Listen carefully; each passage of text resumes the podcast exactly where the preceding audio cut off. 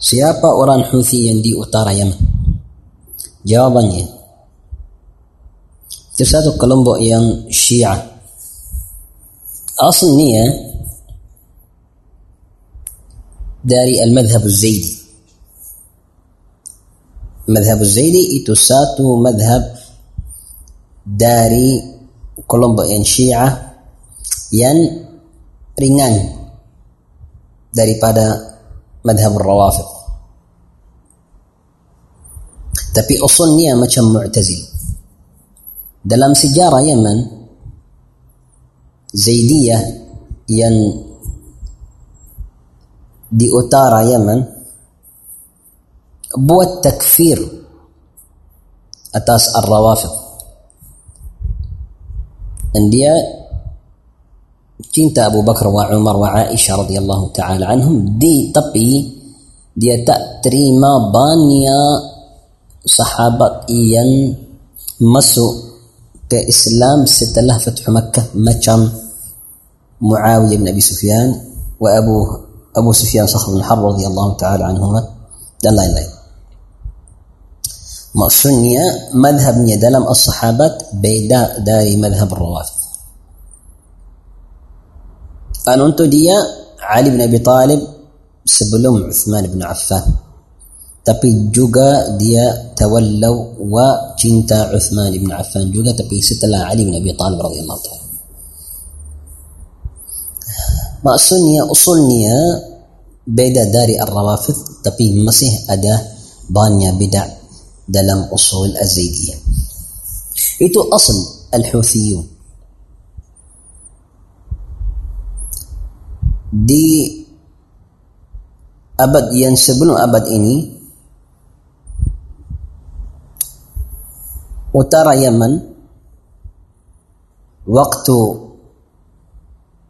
abad yang lalu bawah orang Zaidi maksudnya pemerintah Yaman di abad yang lalu pemerintah yang Zaidiyah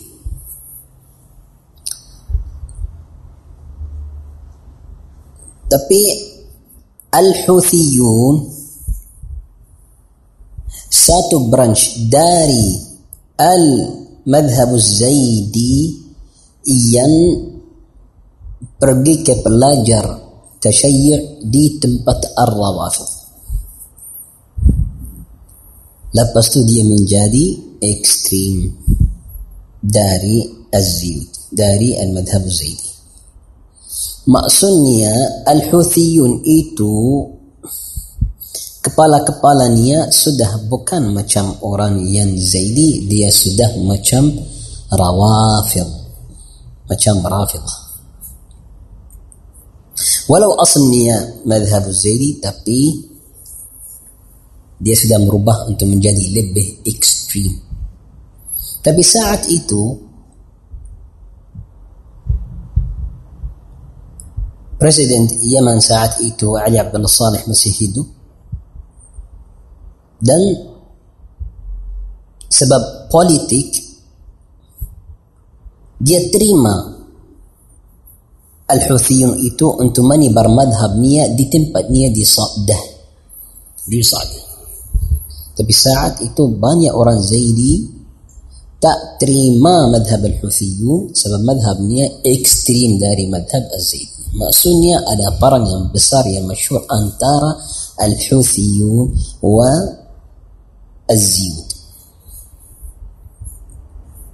Dan ini di tahun 2000, 2001, 2002, 2003. Sampai 2005 tahun 6 madhab Al-Huthiyun masih sedikit madhab yang mayoritas manusia di Sa'dah satu dari dua Sunni atau Zaidi Al-Huthi itu Ar-Rafid Al-Jarudi masih sedikit di Marran di tempat uh, Al-Huthi ini namanya Marran gunung-gunung Marran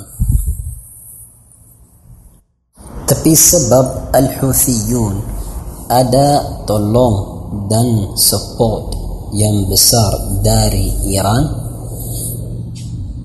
support sama wang dan sinjada-sinjada dia menebar cepat di tempat Sa'dah dia beli hati-hati manusia di sana. Dan siapa yang tak terima ikut Al-Huthiyun dari kabilat-kabilat yang di Sa'dah ia sudah siap sama tentara yang menggunakan senjata-senjata yang canggih dari Iran. Tu saat itu dia kerja macam itu. Huthiyun di Sa'da kerja macam itu. Manusia di sana ada pilihan. Mau harta, mau duit, ikut. Kalau tak mau ikut, paran sama kamu sama tentara yang sudah siap-siap sama senjata-senjata yang canggih yang belum melihat senjata-senjata macam itu di Yaman sebelum sebelum waktu itu sebab Iran supply dia terus duit sama senjata-senjata lepas tu tentara dia menjadi lebih besar lebih besar dan saat itu presiden di Yaman ada presiden di Yaman ada masalah yang besar sama ikhwan muslimin so dia terima request dari Houthiyun tengok macam mana presiden di Yaman buat kesalahan yang besar saat itu. Yang dia sudah meninggal sekarang Ali Abdullah Saleh. Dia terima request dari Al-Houthi dari jemaah Al-Houthi untuk uh, bawa orang dari Hizbullah di Lebanon untuk mengajar dan training tentara dia di Sa'da. Dia terima, tak ada masalah untuk dia. Sebab saat itu dia fikir Al-Huthin itu semua under control, bawah kontrol pemerintah Yaman yang atas Ali Abdullah Saleh. Uh, Alhasil ya akhwani fillah An ikhwan muslimun juga tengok hal ini. So itu semua urusan-urusan politik saat itu. Tapi Al-Huthiyun kerja an ada tujuan yang jelas satu tujuan untuk dia sahaja conquer Yaman semua dan kembali untuk menjadi pemerintah Yaman lagi macam abad yang lalu. Dia orang yang kerja sama aqidah. Walau aqidah dia false, walau aqidah dia salah, tapi dia orang yang ada aqidah, kerja keras di tujuan dia aqidah. Presiden Yaman saat itu tak rasa penting, dia rasa yani dia cakap saya mainan-mainan atas kepala ular-ular. Dia jaga macam itu. Kepala ular-ular maksudnya Huthin itu satu ular, Akhwan Muslim satu ular, itu sekular satu ular. Dia mainan atas ni. Untuk hidup Yaman, jalan hidup Yaman, yani mesti jalan walau pelan-pelan. Dia jaga macam itu. Dia tak tahu ular al-Huthi itu ular yang kobra, bukan yang biasa ada tujuan dia yang yang sudah di hati setiap orang dari dia dia mau kembali untuk menjadi pemerintah Yaman macam abad yang lalu macam kita cakap. Alhasil dia kerja sedikit persedikit sampai mayorat Sa'da menjadi bawah orang Houthi. Hatta orang Zaidi yang paran sama dia dari lalu ikut niat sebab takut sama dia dan dia cakap orang Houthi dekat untuk kita lebih dari ahli sunnah taqwa. Faham tak? Falhasil ya akhwani fillah Al-Houthi menjadi pemerintah Sa'dah.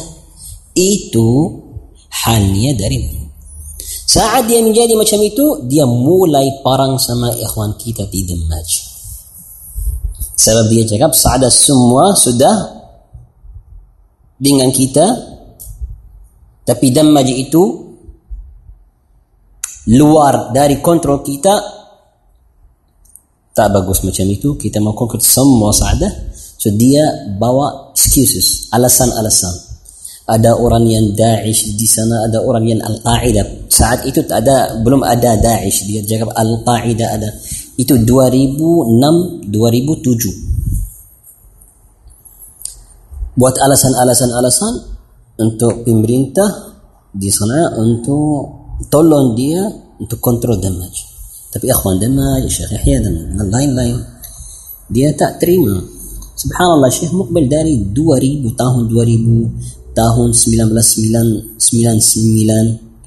dia sudah cakap Al-Houthi itu kata kalau kalau pemerintah dan presiden Yaman mau sambung jalan dia sama Al-Houthi itu satu hari Al-Houthi itu mau penuh dia. Wallah dia cakap macam itu Syekh Muqbar rahimahullah.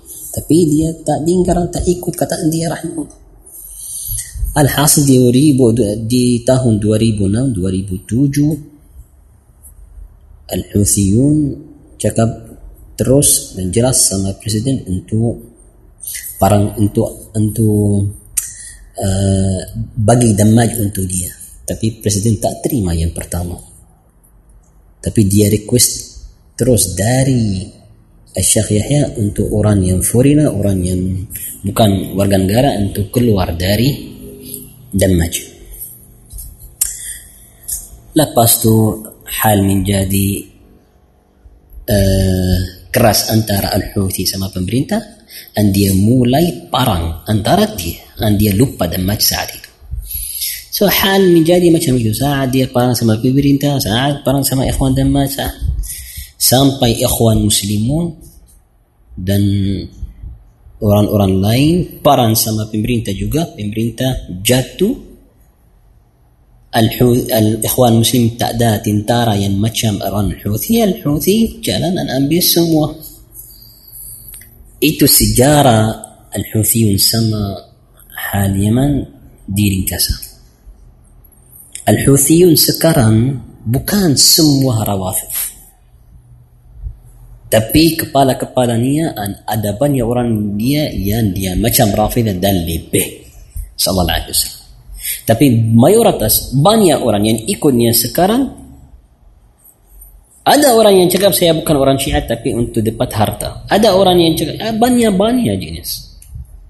Tapi yang kontrol ya orang yang dikontrol al-Houthiyun yang betul-betul macam Rawafid nasallallahu alaihi wasallam.